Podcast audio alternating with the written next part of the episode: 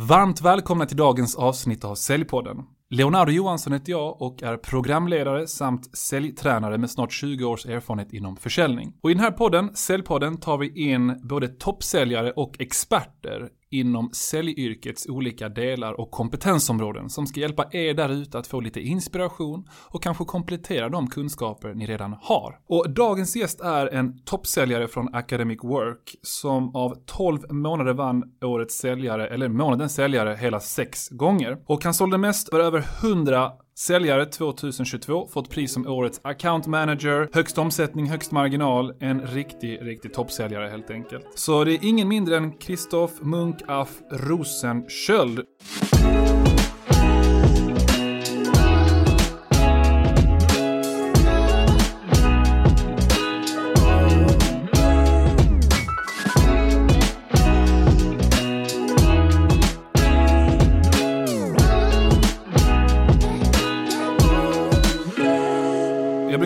Jag hade inne en, en, ja, Sveriges bästa inköpare. Hade jag inne som hade ett väldigt så här, lite ganska långt namn och sa är det medvetet för att det ska vara svårt att sälja till dig? Och jag tänker så att du har ett väldigt vackert namn men det är ju Ja, rätt tack. långt också. Det måste vara svårt för kunderna att komma ihåg det, eller? Det, är, det brukar vara så. Eh, Jag heter faktiskt till och med Kristoffer Fovell, munk av Rosensköld, för att göra det ännu svårare. Ja, okej. Eh, Jag var sist i klassen att lära mig skriva ett namn, är på dagis, kan jag säga. Jag fattar. Men du kallas för munken, eller? Kallas för munken. Ja, eller, Numera. eller stjärnan. Nej, eller det vore trevligt att kallas stjärna varje dag, men munken Det är, är det jag som som, gäller. det är bara jag som kallar för Du får gärna stjärnan. kalla mig stjärnan, det uppskattas. Gud vad härligt. Du, hur känns det att vara här? Sjukt kul! Eh, Mm. Kul att få frågorna för att komma hit. Eh, och få gästa den här podden. Och få snacka lite mer med dig. Idag ska vi pick your brain och vad det betyder det är att vi ska lära känna dig lite mer på djupet om vad som ligger till grund för din framgångsrika säljkarriär, vilka tips och tricks du kan ge andra säljare där ute. Så no pressure eller high pressure. Det här kommer bli ett bra avsnitt. Kul! Jag är taggad. Du berättar lite om din bakgrund inom försäljning. Mm, alltså, var, var det börjar någonstans? Jag, eh, som för många andra säljare skulle jag säga att det började lite när man gick, eh, när man var liten. Alltså jag är ju uppväxt ute på, på landet utanför Trelleborg, mitt ute i ingenstans, nästan på en åker. Och eh, allting egentligen började med att man sålde jultidningar. Alltså det var första grejen, man var ute och knackade dörr. Tyckte jag var jäkligt kul. Sen har du alltid varit med i massa loppisar, insåg att det var väldigt kul att ställa upp på dem. Och insåg väl där alltså, att jag hade, en, jag hade ändå en viss talang för det. Eh, att snacka med människor, connecta med dem. Och på den vägen var det. Sen så blev jag, eh, började jobba i Malmö som, som den klassiska telefonförsäljaren. Sålde mobiler, sålde abonnemang. Och sedan så började jag plugga till civilekonom. Och på sidan av studierna så eh, jobbade jag på Elgiganten. Och sålde även där mobiler. Och sen eh, egentligen efter studierna för mestadels har det varit på Academic Work. Det har nu varit där i ja, fyra år. Ja, Lång tid. Alltså, det är lång tid, coolt. Jag minns att jag en gång i tiden försökte rekrytera dig och det var innan du hade bevisat dina superkunskaper inom Ja. business to business. Men tydligen så hade jag ju rätt i de, de fina egenskaperna jag såg hos dig med tanke på alla priser som du har vunnit. Det var nära kan jag säga. Ja. Jag, var, eh, jag var sugen. Det här var härligt, vad härligt. Men du, jag tänkte på det här med loppis. Jag hade en tidigare alltså poddgäst som heter Daniel Palombo som eh, började sin karriär med att sälja grejer på marknader. Det verkar vara ett vinnande koncept det här med loppis och marknader. Ska man liksom skicka sina barn eller framtida barn på att, på att sälja? Absolut skulle göra det. Ja. Det är, eh, alltså loppisar är skitkul. Jag älskar att gå på loppisar Ja. och pruta lite och alltså, så ja, det, det är skitkul. Jag minns jag sålde en, eh, jag sålde ett, eh, ett fotbad till min mormors granne. Okej, Han blev väldigt glad. okej.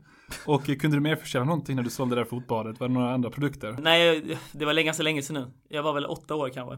Men eh, jag tror det blev fotbadet och jag var väldigt nöjd med det. Nej, Jag, tror jag, jag fick det nog iväg det för en 40 spänn. Ja, nej, vad, vad härligt. Du, jag minns en annan grej här. Jag försökte ju en gång i tiden sälja in mina tjänster och produkter eh, till eh, Academic Work. Och jag kom ganska långt där. Men varför jag ens nämner detta det är för att jag är otroligt imponerad över att du kan bli den bästa av hundra säljare trots att ni satsar extremt mycket på kompetensutveckling av era säljare. För jag märkte det när jag hade de här mötena att men, ni jobbade ju med i princip allting som jag försökte sälja in redan, åtminstone av det som sades. Så att det är därför jag är extra imponerad och glad över att ha med det här i podden idag. Kul. Sen kan jag säga att eh, jag sålde mest av dem just nu. Men eh, eh, vi har sjukt duktiga människor hos oss. Ja. Eh, och eh, jag, vann, jag var ju då, blev nominerad till, till årets säljare. Men på kontoret så fick jag utmärkelsen som årets bästa. Just det. Men eh, vi har otroligt duktiga säljare i organisationen. Ja. Så att, att vara bäst, det är en, det fluktuerar. Ja, jag det fattar. går upp och det går ner. Jag fattar, jag fattar. Och jag fattar också att du vill vara ödmjuk här idag. Och eh, det är inte min mening att säga att du är bäst av dem, allt och alla, för jag vet hur duktiga säljare du har. Men det, det är alltid kul att prata om dina Självklart. utmärkelser Ja. och allt du har lyckats åstadkomma. Men eh, du berättade i förintervjun att det inte alltid som alla, eller som nya account managers fortsätter arbeta som säljare, account managers. Alltså det här med mentaliteten spelar en stor roll. Berätta lite mer om dina tankar kring det. Men jag har tänkt mycket på det liksom, vad det är som gör att folk, att folk lyckas, varför folk inte lyckas inom olika typer av roller. Nu har man ändå haft olika typer av säljjobb så vet jag ju om att, alltså, det är hög personalomsättning i säljyrket överlag. Ehm, och jag tror att mycket handlar om att jag i alla fall hade en väldigt positiv bild, jag vet att inte alla kan få ha det, men en positiv bild av säljare, att man vet om att lyckas som, sälj, som säljare så, så är det jäkligt trevligt. Man får gå runt i sin kostym kanske, inte för att jag har på mig det idag kanske, men det, det känns som att lyckade säljare mår, mår bra liksom. Men eh, jag tror att det största anledningen är nog att folk inte har rätt förväntningar. Mm. Och det kan vara att eh, man, eh, att man går in och tror att det ska vara ganska lätt till en början. Men alla som har varit säljare, eller är säljare, vet hur tufft det är i början. Det krävs, man ska bygga sin egen kundstock, man ska prospektera, du ska ringa och boka dina kunder och ibland kanske lyfta 200-300 samtal per dag och få nej på nej på nej på nej på nej. Det är klart det tar på, på psyket. Så att eh, jag tror att många ger upp där och känner att "Okej, det här var för tufft för mig. Och, och du berättade också i förintervjun att det här med KPI, alltså olika mätetal, kan vara någonting som är bra både när det är en högkonjunktur och lågkonjunktur för att hjälpa sig själv, eh, alltså med den här mentala biten. Men vad innebär KPI och att sätta upp mål för sig själv istället för att bara mäta på hur mycket man säljer, att bryta ner det. Vad, vad vad har det inneburit för dig? Alltså massor det innebär för mig. Alltså man, det viktiga är att komma ihåg att liksom, vi, man har alla vi, alla som jobbar säljer, vi har ju oftast KPI vi, vi, vi mäts på. Vi ska alltid ha, vi kanske har en budget vi ska slå varje månad, i kvartal eller per år. Men vi vet också om att ibland så går det inte som man tänkt sig. Det är att man, den där affären man verkligen hade hoppats på, den satt inte. Och den satt, kommer nästa inte satt heller. Men det viktiga att komma ihåg där är att man alltid måste ha, är man är man disciplinerad och håller sig till de små viktiga grejerna, till exempel att du ska gå på x antal möten varje dag, du ska ringa x antal samtal varje dag. Gör du det kontinuerligt så kommer du att lyckas. Så länge du liksom, det är trust the process lite. Och det var viktigt för mig. Ja men det är intressant för många säljare, alltså de säger så här, ja ah, men jag har ju hört om det här med målfokus och det är klart att jag vet vilken budget jag ska slå. Men det är väldigt få jag träffar på där ute som bryter ner det här till och med till dagliga aktiviteter. Och det kvittar egentligen om du bara sitter och bearbetar befintliga kunder eller ska jaga nytt. För även hos befintliga kunder så behöver du skapa x antal affärsmöjligheter, alltså merförsäljningsmöjligheter eh, per år. Och det kan brytas ner till per kvartal beroende på hur lång säljprocess du har eller till per månad. Och vad innebär det då? Hur många samtal behöver jag ringa? Du kan till och med mäta hur många liksom pre call research eh, slots måste jag ha i min kalender. Alltså hur många tillfällen för att undersöka vilket behov tror jag att den här kunden har som jag nu ska pitcha i vårt nästa möte. Man kan bryta ner till många olika, eh, många olika nivåer, eller hur? KPI. Absolut. Och jag menar, vi är väldigt duktiga på det, skulle säga, eller det lärde jag mig när jag började på Econ Quirk, att jag var ju väldigt duktig på att skriva ner alla, hur många lyft gjorde jag varje dag? Hur många kontakter nådde jag till varje dag? Och så vidare, för då kan jag veta, är det så att jag kanske nådde till för få, jag kanske ringde väldigt mycket samtal, men jag kom inte fram till så många. Då kan man kolla, okej, vilka personer jag faktiskt prospekterade på ifrån början? Då gäller det att verkligen komma tillbaka till, okej, då kanske jag prospekterar fel. Eller är det så att jag, jag lyckas väldigt bra att komma fram till dem jag ringer, men jag ringer inte tillräckligt mycket. Då måste jag prospektera mer. Så man kan ju verkligen, genom att alltså, tracka det man gör, så kan du också få ut väldigt mycket information om vad du kan förbättras på som säljare. Ja, och det är intressant och där kan man såklart eh, önska att man har ett bra CRM-system. Alltså säljstödssystem som kan hjälpa en på traven. Men mer om det är kanske ett annat avsnitt här. Det kan man prata mycket om. Ja, men jag tänkte fråga dig också. Du berättade någonting för mig också om under covid-perioden. Gick du liksom från heltidsanställning till eh, vad var det, ett vikariat till I och med? vikariat, ja. Ja, för att din bransch var ju kraftigt påverkad av det hela. Mm. Och som säljare så är det så att det går upp och ner. Man har perioder det går bra och perioder det går mindre bra. Och det är lätt hänt att man fastnar i den här mindre bra känslan. Så vad Mm. gjorde du under covid-perioden som fick dig att ändå liksom mäkta med det här? Ja, det var ju, det var en, det var en sjukt tuff period. Det tror jag många kan liksom relatera till. Men eh, det jag gjorde där var egentligen att vi hade, jag hade fortfarande säljmål på mig då, att jag skulle sälja för x antal kronor. Men eh, istället då för att mäta det i antal kronor, liksom faktiskt som siffra, så, så jag, såg jag till att bara okej, vi hade någonting på kontoret då som kallades för, in, vi får in kunder som hör av sig egentligen som vill ha hjälp av oss. Intresseanmälningar så att säga. Det känner nog många till. Då var man tvungen att boka 30 möten på en vecka för att få tillgång till det. Sen så var man tvungen att vara bäst på kontoret. Så jag såg egentligen till att jag ska gå på tre möten varje dag. Jag ska boka fyra nya möten varje dag. Och gör jag det varje vecka här nu, per vecka. Förlåt, 30 möten per månad tänkte du eller? Nej, tre möten, nej, utan eh, då skulle jag boka fyra möten. Det är tre möten per dag jag ska utföra. Ja, just det, då förstår jag. Jag tror du sa 30 möten per vecka. Nej, nej, nej det, det vore väldigt bra. Ja. Eh, så, nej, den, den tiden eller, det, det hade jag inte. Nej, jag Men jag såg till att göra det liksom kontinuerligt varje, varje vecka. Mm. För det var det jag kunde påverka. Mm. Och det ledde ändå till att jag alltid låg ganska bra till i detta och oftast vann dessa. Just. Det var något jag kunde göra konkret där och då. Sen hade jag också för mig själv, jag satt upp ett mål bara att jag ville att folk skulle se att jag kämpade. Mm. Det var väldigt, det var inget som var, det gick inte att ta på överhuvudtaget, men jag ville verkligen, jag ville verkligen kämpa och visa att jag ville.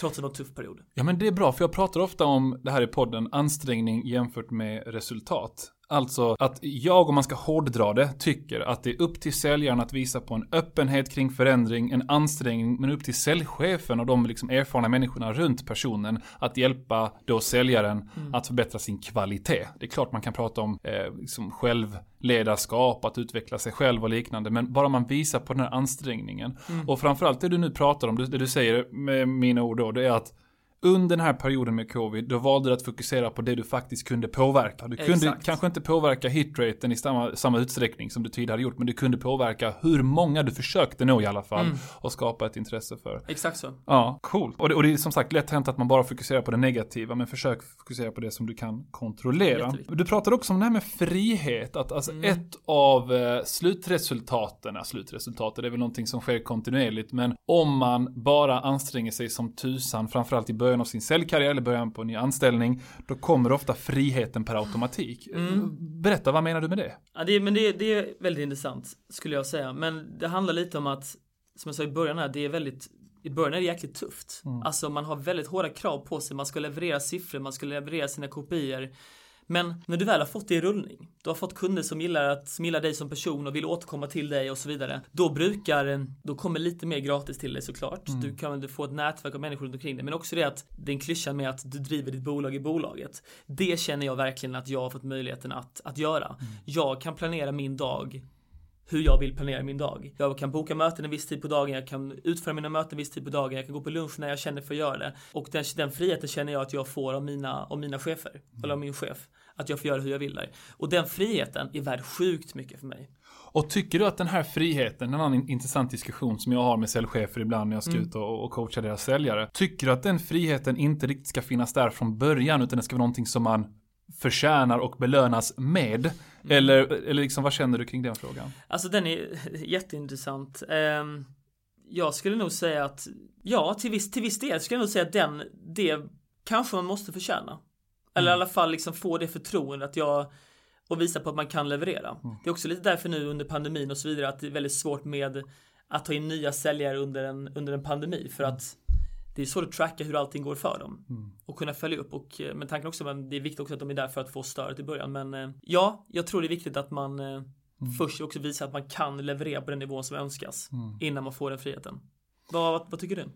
Nej men ja, det är en intressant frågeställning. Det beror lite på vilken företagskultur man har. Men jag skulle säga generellt sett hur jag tycker att det ska vara om jag fick bestämma. Det är att det finns någon typ av program internt som innebär att man kan nå olika nivåer som säljare. Och mm. den typ högsta nivån man kan nå, där är man nästan en intraprenör. Alltså det innebär att man driver sitt företag inom företaget. Vilket mm. gör att man kan styra över tiderna på ett helt annat sätt och liknande. Mm. För det är många som jag försöker hjälpa som har den utmaningen med att de har kanske säljare som är lite äldre, jobbat där ett tag, ganska bra ifrån sig. Och så tar de in, eh, som är, ja, söker efterleva det här med frihet fast eh, lite grann på eget initiativ. Mm. Komma och gå när de vill och liknande. Och sen så får man in nya personer som man vill ska följa en viss struktur. Och utmaningen i det hela det är att, ja men då tänker de här nya, men varför går de när de vill och kommer när de vill? Och att det snarare ska vara en tydlighet i att, ja men det gör de för att de har kunnat bevisa sig liksom under de här senaste åren. Mm. Så, att, så att det tror jag kan funka, men återigen, det finns många ifs and buts här. Verkligen, och det är intressant att man kanske ska vara tydligare med det också och säga då varför personer kanske gör mm. andra saker än andra liksom. Ja.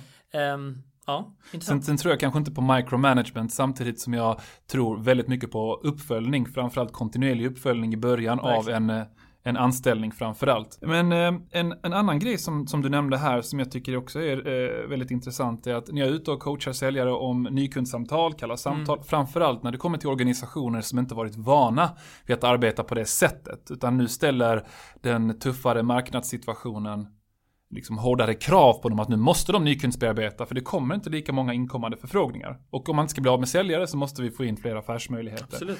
Och det brukar jag säga till de som är så här jättemotståndare till det, men som ändå förstår att de behöver det. Det är att ju bättre du blir på kalla samtal, nykundsbearbetning, desto färre kalla samtal behöver du ringa om ett år. Alltså blir du bara riktigt, riktigt bra på det just här och nu så kan du fylla på din pipeline och via den pipelinen du skapar och de kunder du drar in kan du sen arbeta med referensförsäljning Alltså referensförsäljning kan betyda många olika saker, men nöjda kunder som refererar till andra kunder och sen typ leva på det resten av din karriär, åtminstone på det här företaget. Men de flesta gör inte ens den här ursprungliga ansträngningen som behövs för att de har någon konstig tanke om att de alltid måste göra detta och att det är väldigt obehagligt för dem. Mm. Så, men vad säger du själv? Om, nu ska vi inte prata för mycket om det, men det här med kalla samtal. Vad, vad, vad har ditt liksom, bästa sätt varit för att råda bot på den här obehagskänslan man ska känna, den här mentala ansträngningen? Um, alltså just kalla samtal är ju, man kan ju börja med att gå tillbaka, det är ju nödvändigt för att lyckas som säljare. Så nästintill, äh, kanske inte riktigt idag, men om man lyckas med på sociala medier på ett otroligt sätt. Men de flesta säljare idag, de jobbar med kalla samtal. Och jag, eh, jag ska säga att jag tycker det är ganska kul Okej? att ringa, ringa kalla samtal. Jag, jag ser det ju som en utmaning hela tiden att eh, det är också därför jag gillar försäljningen för det är lite som en, en tävling hela tiden. Lyckas jag boka den här personen? Och kan jag lägga upp det på ett bra sätt nästa gång? Att hela tiden lära sig av det. Men, eh, men också det att så här, som firar de små vinsterna hela tiden. Varje gång jag bokar ett samtal, alltså ja, det knyter näven och bara gött, där lyckades jag. Ehm, så att, ehm, men eh, ja, så alla tycker inte tyvärr att det är kul, men det är nödvändighet. Jag tror också det går tillbaka till det här att veta vad som krävs på sikt för att lyckas. Du måste lyfta de där samtalen. Mm. Och ändå ha sitt, alltså kanske ibland blicka upp lite, varför lyfter de här samtalen? Jo, det är för att jag ska nå dit bort i slutändan. Ja. Så att, ja, bryt ner det. Varför ringer du samtalet? Jo, det är för att jag vet om att jag bokar på var tionde samtal. Okej, då måste jag också lyfta det här, för jag vet om att jag, ja, det krävs. Ja, och mycket handlar om så här just do it mentalitet. Många som är utbildade inom disciplin och motivation, de säger det att ja visst jag kan ju prata om hur man når dina inre drivkrafter och allt möjligt. Men någonstans handlar det om att bara göra jobbet. För när du väl börjar göra jobbet så blir det någonting som har varit utanför din komfortzon lite mindre jobbigt. Eh, Och då kommer du förmodligen bli bättre på det också. Och då Ja. kan du också se ett resultat och fira de små vinsterna. Ja, och det ser man ju hos alla säljare som vi, som vi också tar in och som jag har träffat tidigare. I början är det skitjobbigt. Det är klart det är tufft som tusen att ringa till kunder och få ett nej. Men sen så samma säljare igen tre månader senare. Inga problem. Nej, coolt. Du, innan vi går in på dina praktiska säljtips, så vi har ett par, fyra till och med konkreta tips som vi vill ge till, eh, till er där ute. Så vill jag prata lite kort om vad det är som får en toppsäljare som du själv att stanna kvar på ett företag.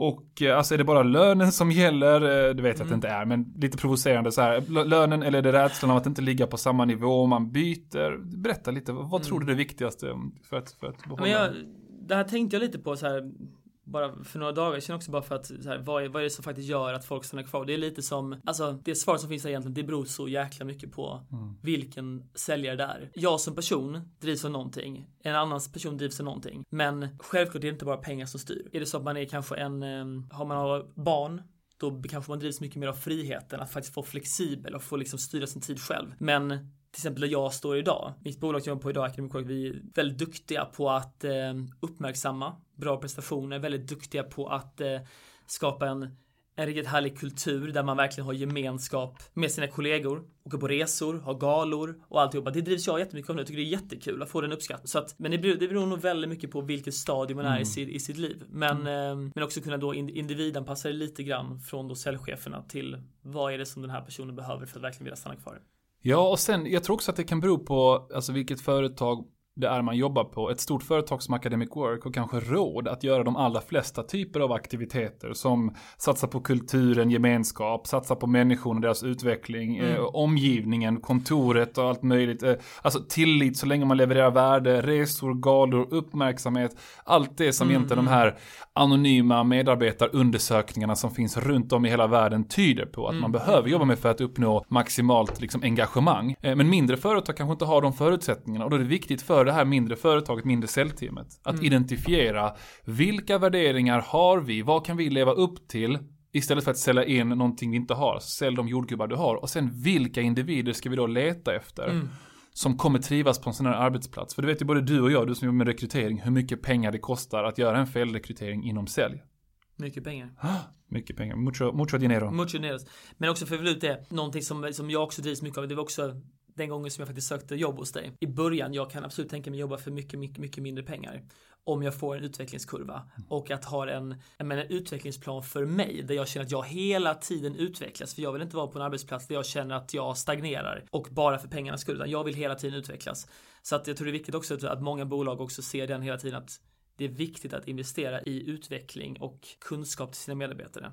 Framförallt de som är unga och hungriga för att det är det de ofta vill ha. Eller hur? Och, och pengarna i all ära, men det är också mer liksom ett sätt för dig att se, tjänar jag tillräckligt utifrån det jag mm. förtjänar? Och det är nästan som en tävling. Mm. Är man en så här super eh, prestationsorienterad människa så är det, åh jag tjänar så här mycket den här månaden, shit, jag måste mm. ut ett bra säljjobb. Alltså det Precis. är någon typ av bevis. Jag, menar, jag, var, jag var teamchef förra året och mm. jag rekryterade egna säljare och då um, någonting som jag märkte som var liksom ihållande hos alla, det var att folk de frågar verkligen vad finns det utvecklingsmöjligheter här? Mm. På vilket sätt arbetar ni med medarbetarna för att de ska kunna ja, men, bli bättre som säljare? Och där är vi väldigt duktiga så att um, det är viktigt. Coolt. Jag tänkte hoppa in på de här områdena, de här konkreta tipsen som vi vill mm. ge till till säljare där ute. Och, och, den första, det är någonting som jag brukar prata om i podden, det är det här med referensförsäljning. Men alltså vad innebär referensförsäljning för dig? För det kan ju som, som, som sagt innebära allt ifrån frågan befintliga kunder efter andra man kan sälja till. Men jag tror att du snarare syftade på att använda referenser i din försäljning, eller? Absolut. Att använda referenser i försäljningen, det är ju för mig nu, det, det är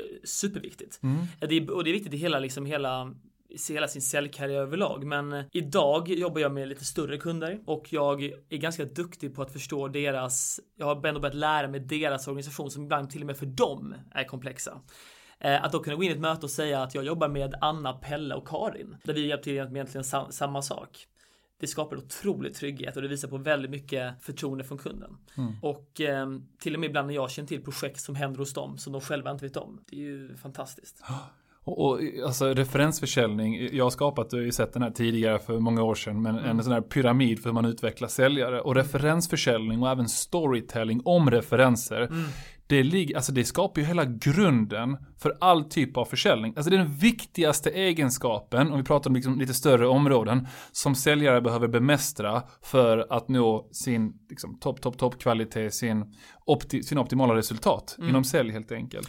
Och då kan man, jag vill fråga dig bara, när du då coachar nya säljare, som du mycket, så här, gjorde väldigt mycket förra året, och de kommer in som nya, mm. hur kan de nyttja referensförsäljning? Kan de nyttja dina referenser? På vilket sätt? Eller hur, hur funkar det egentligen?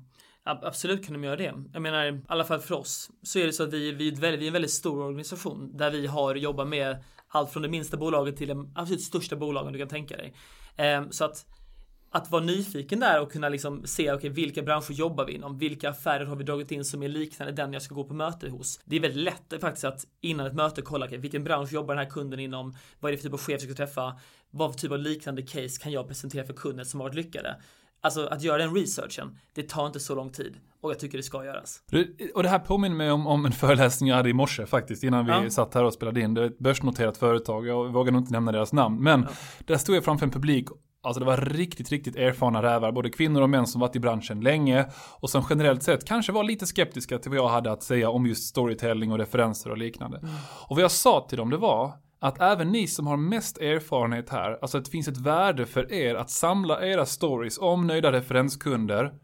För att då kan ni också bli förebilder internt för de nya, de som inte har de här erfarenheterna. Mm. Men jag är också ganska säker på att även om du har jobbat här i tio år så finns det någon annan som jobbat i ett annat land, men som har kundcase som är relevanta för dig att prata om i dina möten också. Och det var nog ingen som inte höll med om det. Så det här med referensförsäljning, vad jag tycker att företag ska göra, är att man liksom slår ihop alla kloka huvuden på företaget eller i olika grupper. Mm. Pratar om vad är det vi främst vill använda referenser till att övertyga kring. Mm. Och sen tittar man då på både proaktiv och reaktiv referensanvändning. Där proaktiv är vad vill jag generellt sett ta upp i mina möten. Mm. Och de reaktiva är om jag får en fråga från en kund kan jag då nämna en referens i form av du intressant att du ställer den här mm. frågan. Det var nämligen så att vi har en befintlig kund och så berättar man den storyn. Alltså den viktigaste grejen för en mm. säljare att bemästra. Håller du med? Absolut alltså. Och det brukar jag ofta göra idag, men vi finns idag på, i fem andra länder också. Många bolag som jag jobbar med finns också på andra orter, andra länder. Mm. Så att självklart ser jag till att kolla på vilka affärer som görs runt om i de andra länderna. Ringer ut till de personer som är jäkligt duktiga säljare även där och frågar du, varför köpte kunden av oss? Vad var, det, vad var, liksom, vad, vad var anledningen till att de valde oss? Och för mig då att kunna veta, okej okay, de köpte oss av de här anledningarna, de här tre stycken anledningarna självklart tar jag med det till mitt möte med min kund. Och, och det du också kan göra där, som du säkert gör idag också, det är att om du då har svenska företag som vill expandera utomlands, även ifall det här inte ens är deras bransch, så kan du nämna det att, ja men jag pratade med min kollega eh, Kristin här i Tyskland, mm. och hon drog precis in en kund inom den här branschen, mm. som visserligen inte är inom er bransch, men samtidigt ett företag som vill expandera runt om i hela Europa. Och likheterna mellan er situation och det caset hon drog in, det var följande, och så berättar man en story baserat på vad Kristin mm. har berättat för dig. Mm. Det skapar sån otrolig trovärdighet, så alla ni som lyssnar där ute, är ni inte experter på storytelling, referensförsäljning, C-F-A-N, sorry, till att bli det, eller att i alla fall ja. göra en ansträngning att samla säljarna som ni har på företaget och se till att ni drar ur kunskaperna och erfarenheterna så att ni tillsammans kan arbeta med de här frågorna. Snyggt Dagens huvudsponsor är ingen mindre än Mindit, the House of Sales. Mindit är specialister på säljutveckling och säljutbildning inom business to business försäljning. Och de erbjuder anpassade upplägg och öppna kurser för både säljare och säljchefer. Så blir du nyfiken på Mindit, spana in deras hemsida för mer information, mindit.se. Är det något mer man behöver känna till om referensförsäljning eller har du andra tankar där innan vi hoppar in på nästa ja, bit? Kanske inte liksom exakt om referensförsäljning, men någonting som en av våra chefer pratade om för någon, någon, någon månad sedan som jag tyckte var jäkligt intressant. Det var, hon sa så här, men du Kristoff, börja skryt mer i möten. Jag bara, vadå skryt med möten? Det är inte så charmigt kanske. Men fastän det kanske inte är intressant för olika chefer att lyssna på, alltså de vill gärna prata om något som är ganska nära deras affärsområde kanske. Men jag har börjat faktiskt prata väldigt mycket om vad vi gör runt omkring kunden. Vi kanske gör olika typer av utbildningssatsningar på ett annat område eller vi kanske gör en undersökning på, hos en annan kund. Då berättar jag gärna om de satsningar som vi gör för dem, fast på, på andra avdelningar, bara för att skapa ett förtroende.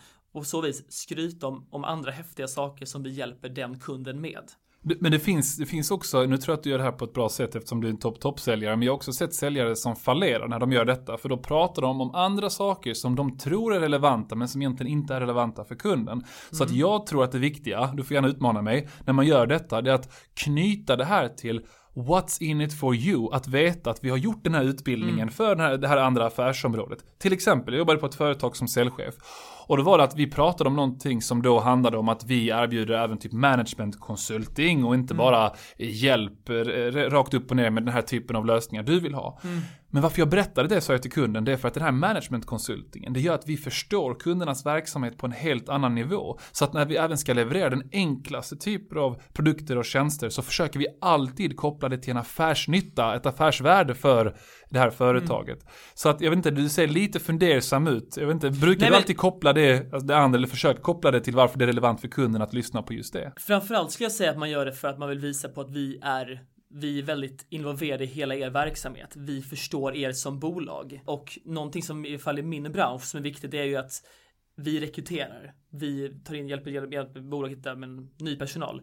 Så det är väldigt viktigt för oss att veta vad det är för typ av bolag de är och genom att då säga att vi gör de här typen av satsningar så får det ändå ett mer förtroende att vi vet vad ni vill ha som bolag. Vi vet era värdegrunder, vi vet vad ni har för ja, men karriärsmöjligheter och det är sådana satsningar vi gör på andra delar. Så att det finns ett väldigt värde i att vi gör de satsningarna för kunden. Just det, och kunden förstår då eftersom det ändå handlar om ett, alltså samma företag att ni förstår dem mer på djupet. Exakt. För jag tror också att du skulle hålla med mig, eller jag antar det, att mm. om du hade pratat om andra kundcase och du känner att jag vill veta, jag vill berätta vad vi gör runt omkring i den här branschen eller något annat som inte nödvändigtvis är superenkelt för kunden att förstå. Men varför Kristoff berättar de just det här för mig? Mm. Då behöver man kanske vara ännu tydligare med en what's in it for you.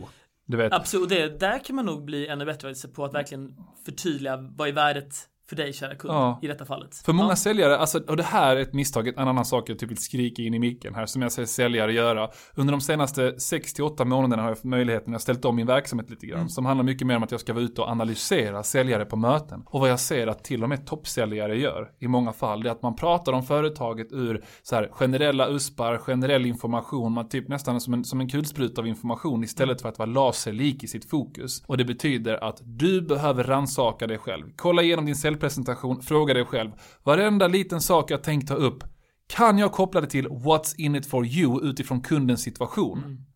Då har du verkligen lyckats i din kommunikation med mm. kunden och din hitrate kommer att öka. Exakt. Och som man brukar säga där, som jag fått lära mig nu, det är ett värde, är bara ett värde om det är värde för kunden. Och Den är ju Exakt. sjukt viktig att komma ihåg. Bra grej, jag, jag tar det på det citatet eller tar med det till nästa utbildning.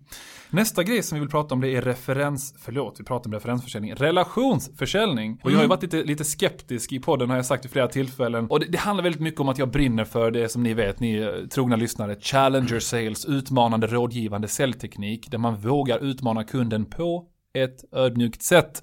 Istället för att bara fokusera på att kunden alltid har rätt och vara liksom gulligulla med kunderna. Och det är klart att när du ser relationsförsäljning innebär inte det att kunden alltid har rätt kanske och gulligulla med kunderna. Men det är ändå någonting som handlar om relationen. Berätta, alltså vad innebär relationsförsäljning för dig? Jag, satt och tänkte på det innan också, vad, vad är egentligen relationsförsäljning? Eh, och ehm, för mig är det egentligen att jag vill ju alltid i mina möten med kund alltid skapa en, alltså det viktigaste egentligen är ju att, att hitta en nivå där kunden, där man, liksom, där man, där man skapar en, en härlig känsla med kunden i mötet. Där kunden känner sig bekväm och faktiskt vågar öppna upp sig och faktiskt också prata med mig på ett ärligt sätt. Det är typ det viktigaste. Och sen så vill jag ju att relation med kunden, liksom det, det går ju hand i hand med liksom förtroendet. Man bygger det över tid. En relation skapas ju inte bara en gång klass jag säga, utan det är också därför som jag märker nu att många kunder som jag har träffat tidigare, som kanske byter bolag, de hör av sig till till mig personligen igen. För de jobbar med mig. Mm. Och för att jag har byggt upp ett sätt som de, de känner sig, de, de har förtroende för mig. Mm. Vad skulle du själv säga? Eh, Nej men alltså, jag vill ta en liten, en liten anekdot egentligen från Kör. mitt eh, liksom privat, privatliv. Jo det är från privatlivet. Alltså, eller så här, när jag träffade dig första gången, jag gillade dig direkt. Alltså vi pratade ju på, vi pratade typ på telefon och liknande. Alltså det innebär att vissa människor har det bara i sig att man är likable. Okej? Andra har det inte i sig, även om de tror det. Jag var på en middag här för, vad kan det vara, två månader sedan i alla fall. Och så var någon som skulle introducera mig, en, en tjejkompis till min fru, som skulle introducera mig till en kille hon börjat dejta. Alltså på de första tio sekunderna, och jag viskade till min fru, jag bara, alltså jag gillar inte den här killen. Och anledningen till det, det var att för det första, han kollade inte mig i ögonen när vi hälsade. Han hade inget leende på läpparna. Han verkade snarare liksom fokusera på allt annat än, än mig när vi väl skulle ha, försöka ha någon typ av interaktion. När jag sa någonting, där jag försökte, eller jag var exalterad över någonting, så kändes det som att jag inte blev bemött med den här energin. Och jag kanske är extra känslig för sånt, men jag vet inte, vad skulle du säga med någon som kanske är osäker på hur likeable de är? Vad kan man göra för att bli mer likable i sälj? Äh, Först och främst så eh, hoppas jag inte att den killen lyssnar på podden. jo, det hoppas jag så att han blir bättre på det här. Ja. Och, ja, Han jobbade som säljare också. Det, Det ja. Ja, då är det ännu värre. Ja, men jag skulle säga att det handlar ju, det är superviktigt att, alltså för mig handlar det också om ett genuint intresse. Jag tycker det är väldigt kul att prata med, jag träffar nya människor. Jag är, alltså just det här genuina intresset. Jag menar när jag pluggar på universitetet, jag, jag, jag var känd som killen som gick runt och minglade på, på skolan. Jag gick runt och minglade med på alla fyra våningar hela tiden. Fick ofta höra, Kristoff, du kan ta, det- vi har tenta om två dagar. Säkert du inte jag arbetslivet. Idag, fyra år senare, jag gör fortfarande samma sak. Och nu får man, eh, nu kan man liksom göra det som jobb istället. Men det genuina intresse för människor, det är sjukt viktigt. Och får jag fråga dig bara, handlar det både om, jag kanske lägger ord i munnen på det här, Kör. men att, att ställa rätt typer av frågor och följdfrågor Mm. i kombination med alltså ditt kroppsspråk i hur du reagerar och agerar beroende på vad kunden säger? Eller hur skulle du sammanfatta vad det innebär? Alltså hur visar man ett genuint intresse för någon man träffar? Alltså, det handlar ju om att man måste, absolut, det handlar om att ställa rätt, rätt frågor, men också att anpassa sig ut efter kunden hela tiden. Du måste ju alltid ställa frågorna på ett sätt som gör att, att kunden känner sig hörd, alltså sedd. Jag menar, jag menar, knyta an till vad de precis har sagt tidigare, men alltså det finns så mycket där man kan, Oj, oj, oj, här händer det någonting. Nu går jag igång som tusan. Tell För jag, jag brukar prata om, det är många saker jag pratar om när det kommer till hur man bemästrar liksom säljet. Men en av de högsta nivåerna man kan nå som säljare upplever jag, det är när man kan referera i det mesta man säger sina argument till vad kunden precis själv har sagt. Du använder psykologiska principer, Mm. eh, ska inte ens börja prata om studierna från Harvard och Stanford och Oxford och, som Mm. bekräftar detta. Men det är så häftigt och någonting du gör kanske lite per automatik, att du kan lyssna och prata samtidigt, vilket gör att när du väl svarar kunden på någonting de säger så kan du referera till någonting kunden själv har sagt tidigare. absolut. Och då blir det klockrent, då kan man typ inte förlora, höll jag på att säga. Nej, och det, det är ju också därför som jag upplever att man kan alltid bli bättre på behovsanalysen. För att, och gärna göra den så långt det bara går. För när du väl ska dra in pitchen, då använder du exakt de orden som kunden sa. Ja. Och du vet vad deras värde är. Och då är det betydligt lättare att kunna gå vidare i processen. Cool. Okej, så nu har vi pratat om att vara duktig på referenser, att ett av dina Mm. liksom superkonkreta tips. Det andra är att, att vara bra på relationen, anpassa sig till kunden. Vi har tagit lite konkreta tips kopplat Mm. till det. Den tredje har vi nämnt, det här med know your numbers. Men, men berätta gärna, varför valde du den som din liksom, ja men det här är det tredje riktigt starka tipset jag vill ge till säljare där ute? För att det är någonting du kan påverka varje dag det är svårt att påverka din budget eh, på konjunkturer. Vi går, jag vet inte vad man går in i just nu och vad, vad är på väg någonstans, men att egentligen kunna bryta ner sin, sin dag kanske till och med per timme, vad du faktiskt ska göra för att kunna nå dina långsiktiga mål. Det är ju det är jäkligt mäktigt, det är jäkligt kraftfullt. Så därför är det så viktigt att faktiskt kunna, att vad man än jobbar med försäljning, ta reda på vad, vad man faktiskt kan göra varje dag. Mm för att kunna nå sitt långsiktiga mål. Mm. Det är viktigt. Och, och tips kopplat till det, det är att man kan säkert bryta ner sina KPI, sina mål till massor av olika nyckeltal. Försök hitta det allra viktigaste nyckeltalet som du kan kontrollera på daglig basis. Mm. För mig har det alltid varit antalet lyft. Om jag vet att jag gjort förarbetet rätt och vet att den här, den här målgruppen vill jag bearbeta. Mm. Hur många lyft gör jag? För jag vet att de här lyften kommer leda till att x antal plockar upp telefonen som leder till att jag får pitcha på Y antal som leder till att Z antal bokar, bokar jag möte med. Och har jag bara en viss hitrate så vet jag att det här kommer leda till eh, Ö antal försäljningar mm. längre fram. Så det har varit mitt nyckeltal. Mm. vad har varit din, liksom din viktigaste? För mig har det varit att jag skulle egentligen alltså, boka x antal möten per dag. Så ja. jag har alltid haft att jag ska boka, jag ska boka fyra nya möten varje dag. Mm. Det har varit väldigt, väldigt enkelt. Jag hade en, en ganska rolig grej på mitt, mitt förra bolag jag jobbade på. Så var det en kille som hade räknat ut exakt hur mycket provision han skulle få när han hade mm, beroende på, alltså han har hur mycket provision han får och sen brutit ner det till hur mycket pengar tjänar jag för att lyfta luren en gång. Oh, det där är häftigt. Och han lyfter luren, lyfter luren så visste han då att jag tjänar så här mycket varje gång jag, fast han inte bokar det så vet han om varje gång jag lyfter ett samtal så vet han om. det, det, det, där är en klassiker. Det, det den, den, den, gillar jag alltså. Ja, och det funkar för vissa, inte för andra, kanske, Nej. men ge det en chans skulle jag säga. Den fjärde biten är en väldigt basic grej med någonting som inte många säljare lever upp till. Håll dina löften ja. men styr förväntningarna. Okej? Okay? Ja. Och jag brukar säga det innan du går in på den här biten, det är att det är eh, alltså ganska svårt att vinna ett förtroende hos någon men väldigt lätt att förlora ett förtroende hos en kund. Verkligen. Så berätta gärna om det här med håll dina löften men styr förväntningarna. Vad innebär alltså, det? här är typ bland, bland de viktigaste. För det här går ju hand i hand med liksom det långsiktiga förtroendet hos en kund. Mm. Eh, och det handlar om mycket om att, alltså när jag är på möten så det slutar nästan alltid med, eller det kan vara ett mail eller ett samtal, vad som helst. Kunden ber mig göra någonting. Eller jag säger att jag lovar dig att jag kommer göra detta. För det första så ser jag till att jag ser alltid till då, när behöver du den här informationen? Då säger kunden, ja men ehm, jag kan lägga till också där för att oftast kan det faktiskt vara så att kunden säger, jag säger så här, men du kunde säga jag behöver den här informationen av dig Kristoff. Då säger jag absolut. Jag för fyra år sedan hade sagt, jag skickar det till dig ikväll. Men jag kanske inte hinner det. det kanske inte, jag, då kanske jag bara, jag sätter så mycket press på mig själv för det. För jag måste göra det i tid. Men egentligen behöver kunden inte ens, han behöver kanske inte ens den, den tiden. Utan du frågar, numera frågar man istället, du, när skulle du behöva den informationen för att du ska kunna ta vidare detta? Ja, men jag behöver det om två veckor. Den eh, 16 maj. Super, vet du vad? Jag skickar det till dig den 15 maj i så fall. Jag, jag brukar till och med säga, när behöver du senast ta den här informationen ja. bara för att vinna lite tid? Ja. Exakt, och, den är och det, jag tycker det är, det är superbra bara för att så här, inte sätta för mycket press på en själv. Men också det att är det så att de har, kanske har ett, eller kunden då har ett viktigt möte där de ska diskutera just den här agendan eh, om två veckor det är ju väldigt bra och passande att det kommer lite mail, eh, lite, lite mail från, från säljaren då dagen innan. Mm. För att påminna, vara top of mind och så vidare. Mm. Så att eh, där är en jätteviktig grej att sätta förväntningar. Men också det här att prata om att inte heller översälja sin produkt heller. Utan att faktiskt här, vara tydlig. Så att det, så sätter man för höga förväntningar och sen så typ att det floppar helt kunden kommer inte vilja köpa det längre. Så var tydlig med vad du faktiskt kan leverera, vad kunden kan förvänta sig av dig i den processen. Ja, precis. Och det här är, jag skulle säga att jag håller med dig om det här. Sen har jag ett annat exempel, bara ett mm. avslutande som är ganska roligt att säga emot det här ja. lite grann. Men det, det, ena med att jag håller med dig, det handlar om att du kan ofta vinna ett väldigt fint förtroende i processen. Till och med om du vet att du kan lösa ett problem, men du säger så här till kunden, du jag är lite osäker, jag måste stämma av det här med en kollega och återkomma till dig. För det, det, indikerar på att du vill verkligen kundens bästa, du vill inte ge ett felaktigt svar.